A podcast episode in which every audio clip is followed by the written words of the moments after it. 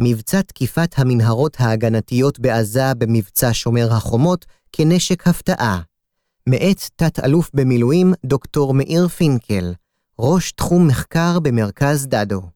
מתוך בין הכתבים, גיליון 34, בעקבות שומר החומות.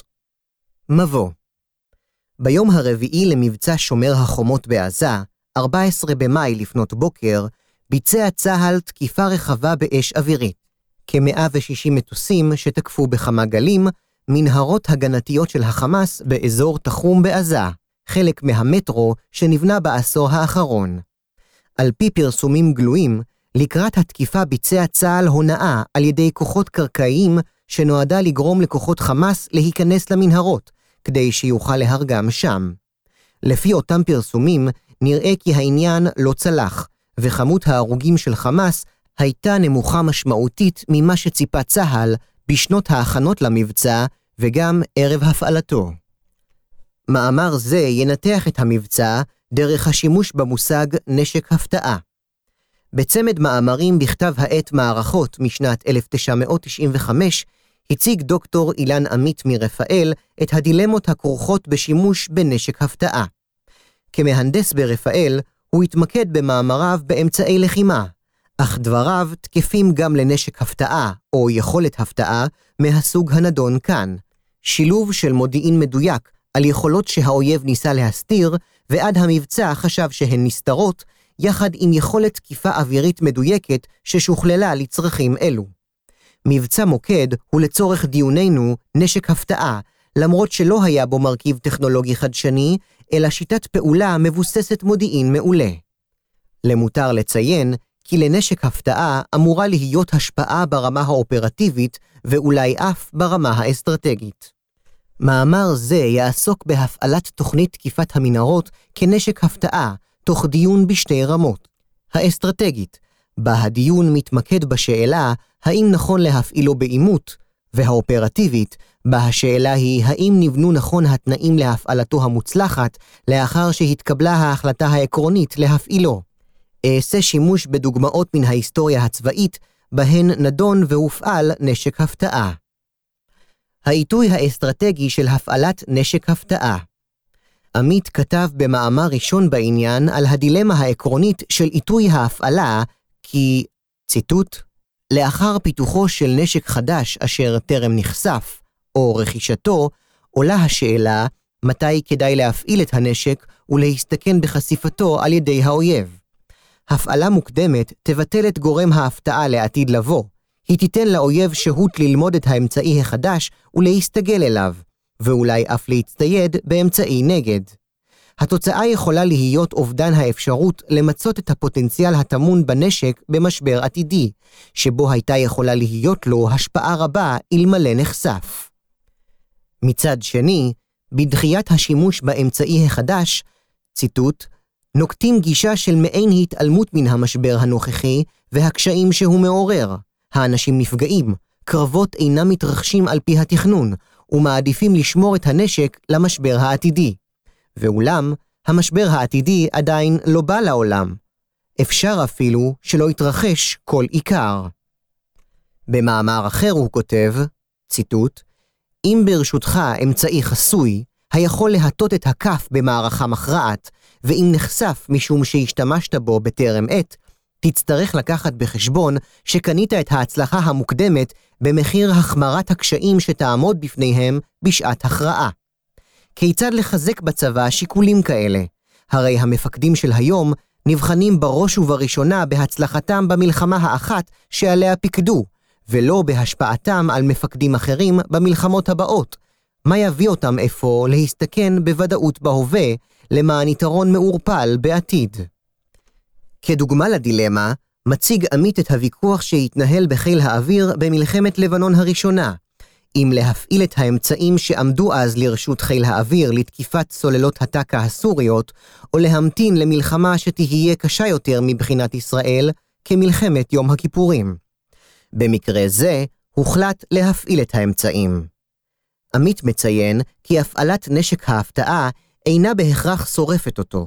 האויב חייב לפענח אותו, לפתח לו מענה באמצעות תרגולות או אמצעי נגד, וזה לעתים אורך זמן ממושך.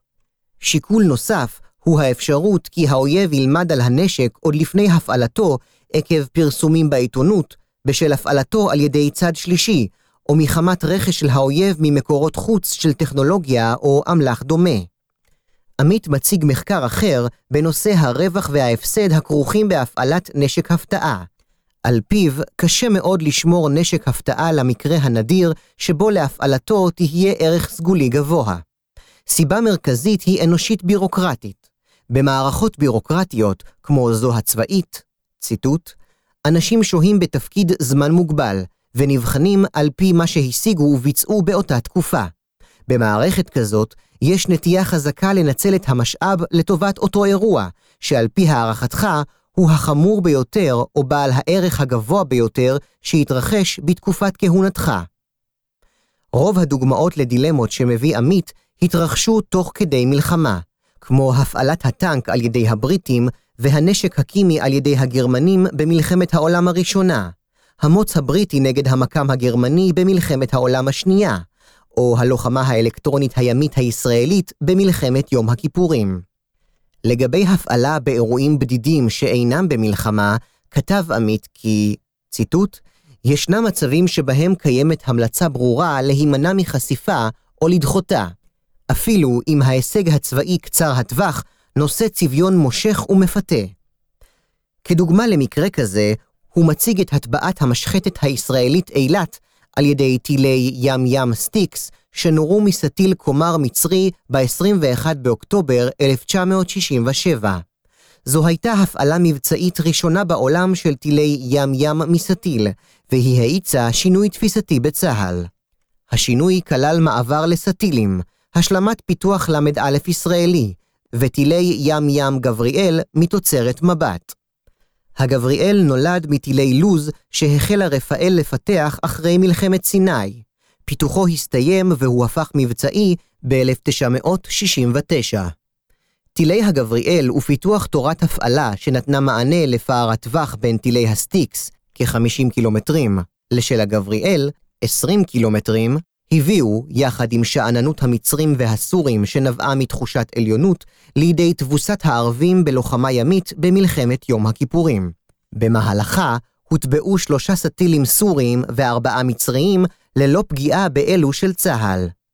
מוחמד פאוזי, שר ההגנה המצרי במלחמת יום הכיפורים, כתב על כך, ציטוט: להערכתי, החוקרים האמריקאים בשיתוף עם הישראלים הצליחו לאחר לימוד מעמיק להשיג פתרון נגדי לטיל סטיקס לאחר שהופתעו מכושר ההרס שלו במקרה טביעתה של המשחתת אילת ב-21 לאוקטובר 1967, ומצאו את הדרך שמשבשת את דיוק הפגיעה, בנוסף למכשירים האלקטרוניים נגד טיל הסטיקס, שהותקנו בספינותיהם המצוידות בטילי גבריאל. הסיבה להפעלת האמצעי החדשני באירוע שאינו מלחמה, הייתה כנראה הצורך של צבא מצרים להוכיח הישגים, אחרי התבוסה במלחמת ששת הימים.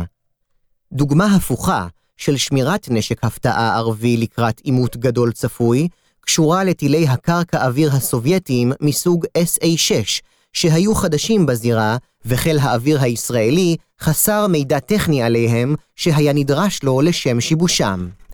חילות האוויר המצרי והסורי לא הפעילו בקרבות האוויר שהתרחשו ב-13 בספטמבר 1973, שלושה שבועות לפני המלחמה, את טילי ה-SA-6 שהיו ברשותם.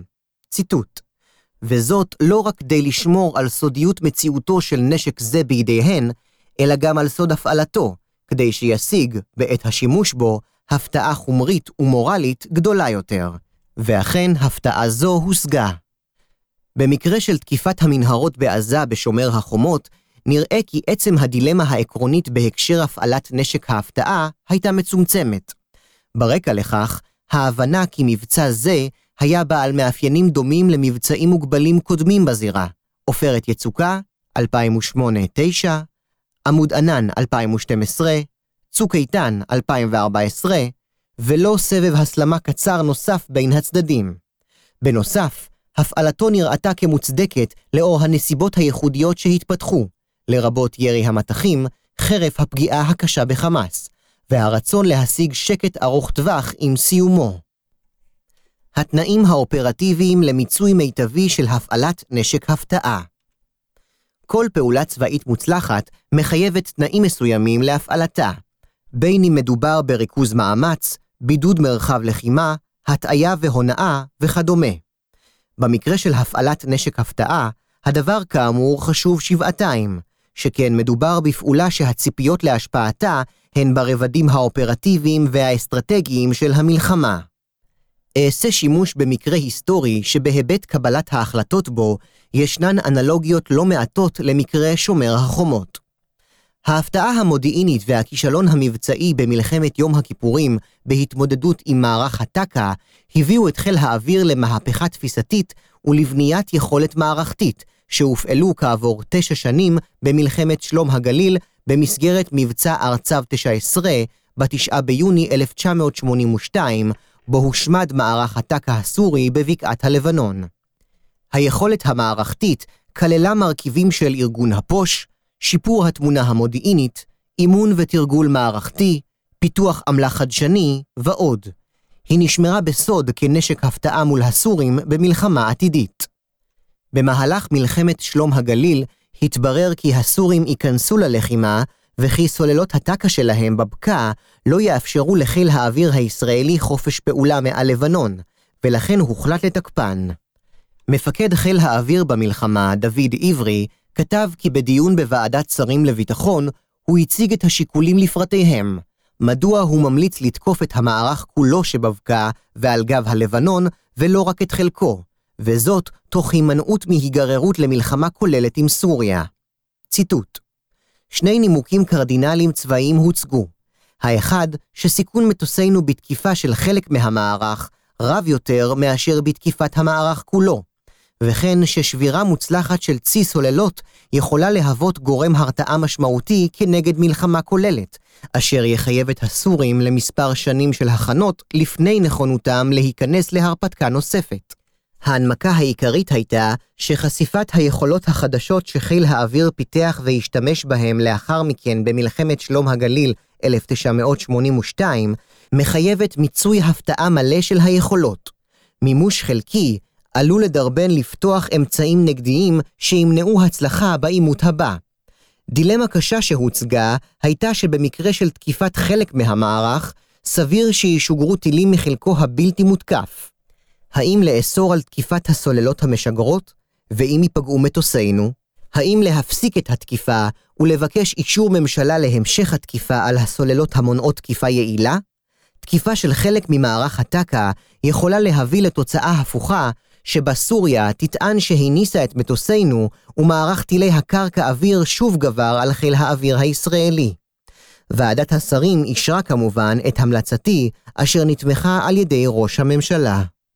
בריאיון עמו ציין עברי כי דיון בנושא העיתוי והתנאים העקרוניים להפעלת המערכת, תפיסה, אמצעי לחימה ומודיעין, כנשק הפתעה שפותחה כתגובה לכשלי מלחמת יום הכיפורים, ושנועדה ביסודה למלחמה גדולה, לא נידון עם הרמטכ"ל, אלא רק בפורומים בתוך חיל האוויר. בראייתי, דיון מסוג זה היה צריך להתבצע על ידי הרמטכ"ל ובשיתוף הדרג המדיני. לאחר שהשיג את האישור להפעלה הנכונה בעיניו של נשק ההפתעה, דאג עברי ליצירת תנאים אופרטיביים מיטביים למיצויה, ובהם דחיית התקיפה מיום שלישי, 8 ביוני, כפי שתוכנן, ליום רביעי, כדי להמתין להעברת חטיבת טק"א נוספת מרמת הגולן לבקעה בליל 8 ביוני, ולאסוף עליה מודיעין למחרת בבוקר, כדי לאפשר יציאה למבצע עם מודיעין מלא ומעודכן. תזמון השין כך שהתאפשר מיצוי מיטבי של פיזור המוץ המסיבי, עשרות טונות, שהיה מרכיב חשוב ביכולת שפותחה. גם הפסקת המבצע בשלב שבו הופסק, לפני השמדת כל הסוללות, הייתה החלטה חריגה של ניהול סיכונים שאפשרה מיצוי הפעולה בלי להיכנס לסיכונים מיותרים. מאפייני הדיון המקביל במבצע שומר החומות ייחשפו כנראה רק בעתיד. לפי פרסומים גלויים, ייתכן שתקיפת מטרות בתת-קרקע ביממות שלפני התקיפה הרחבה, גרמה לחמאס לחשוב כי ישראל השיגה מידע על חלק מתשתיות התת-קרקע שלו, וכי יש למטוסי חיל האוויר יכולת אפקטיבית נגדה. ייתכן כי הבנה זו גרמה לו להחליט לפקוד על לוחמיו שלא להיכנס למערכי התת-קרקע מול הכוח הישראלי, שביצע כאמור, לפי הפרסומים הגלויים, סוג של הונאה מוגבלת ביותר לגבי כוונתו להיכנס קרקעית, וגרמה לתוצאות המוגבלות ביותר בהרג פעילים שתוארו מעלה. נראה שבמקרה זה היה חסר תנאי מרכזי למיצוי אפקטיבי, אופרטיבי, בעל השפעה אסטרטגית של נשק הפתעה, הסתרה, השארת חמאס באי ידיעה לגבי המודיעין של צה"ל ויכולת התקיפה שלו. עמית כתב כי לעתים מושגת הפתעה גם ללא הסתרה, אם לאויב יש קושי להסתגל לנשק ההפתעה גם אחרי שנחשף אליו. אך במקרה שלנו, ההסתגלות היא פשוטה יחסית, להימנע מכניסה למנהרות, מול הסתגלות קשה הרבה יותר למערכת תקיפת הטק"א ב-1982, כדוגמה. הערך האסטרטגי של תקיפת המפקדים הבכירים ומתקני הייצור ביממות המבצע הראשונות נראה היה למקבלי ההחלטות כגבוה יותר מהסיכון האפשרי משחיקה אפשרית בהישג מבצע תקיפה רחבת היקף של המנהרות שייתכן שעתיד היה לבוא ביממות הבאות. ייתכן שלמסורת החשיבה באמצעות מדרגות הסלמה במבצעים בעזה הייתה תרומה לכך, הגם שניכר כי בשומר החומות נקט צה"ל בצעדי הסלמה מהירים יותר ומדורגים פחות מבעבר. רעיון של פעולה במדרגות במלחמת שלום הגליל, פעולה מול סוללות בודדות כדי לאותת לסורים, נפסל מאותו סוג של שיקול. סיכום והמלצות נשק הפתעה הוא מושג חשוב לצורך בניין כוח והפעלתו. יש לדון בו בשגרה בהקשר סכנת חשיפתו בפעולות בט"ש ומבע מוגבלות. אך דיון זה לא חוסך דיון מעמיק על הפעלתו תוך כדי לחימה, בהקשר האסטרטגי הייחודי לכל אירוע. מאמר זה מציע כי לדיון שני רבדים. האם העיתוי האסטרטגי נכון, ומה התנאים האופרטיביים להפעלה מיטבית. במקרה של מבצע שומר החומות, נראה כי העיתוי האסטרטגי, כלומר עצם ההחלטה להפעיל את הנשק במבצע, התקבלה תוך שקלול של הנסיבות הייחודיות של המבצע הנוכחי. מצד שני, ברור כי ההישג המבצעי, הרג מחבלים רבים, לא מוצע.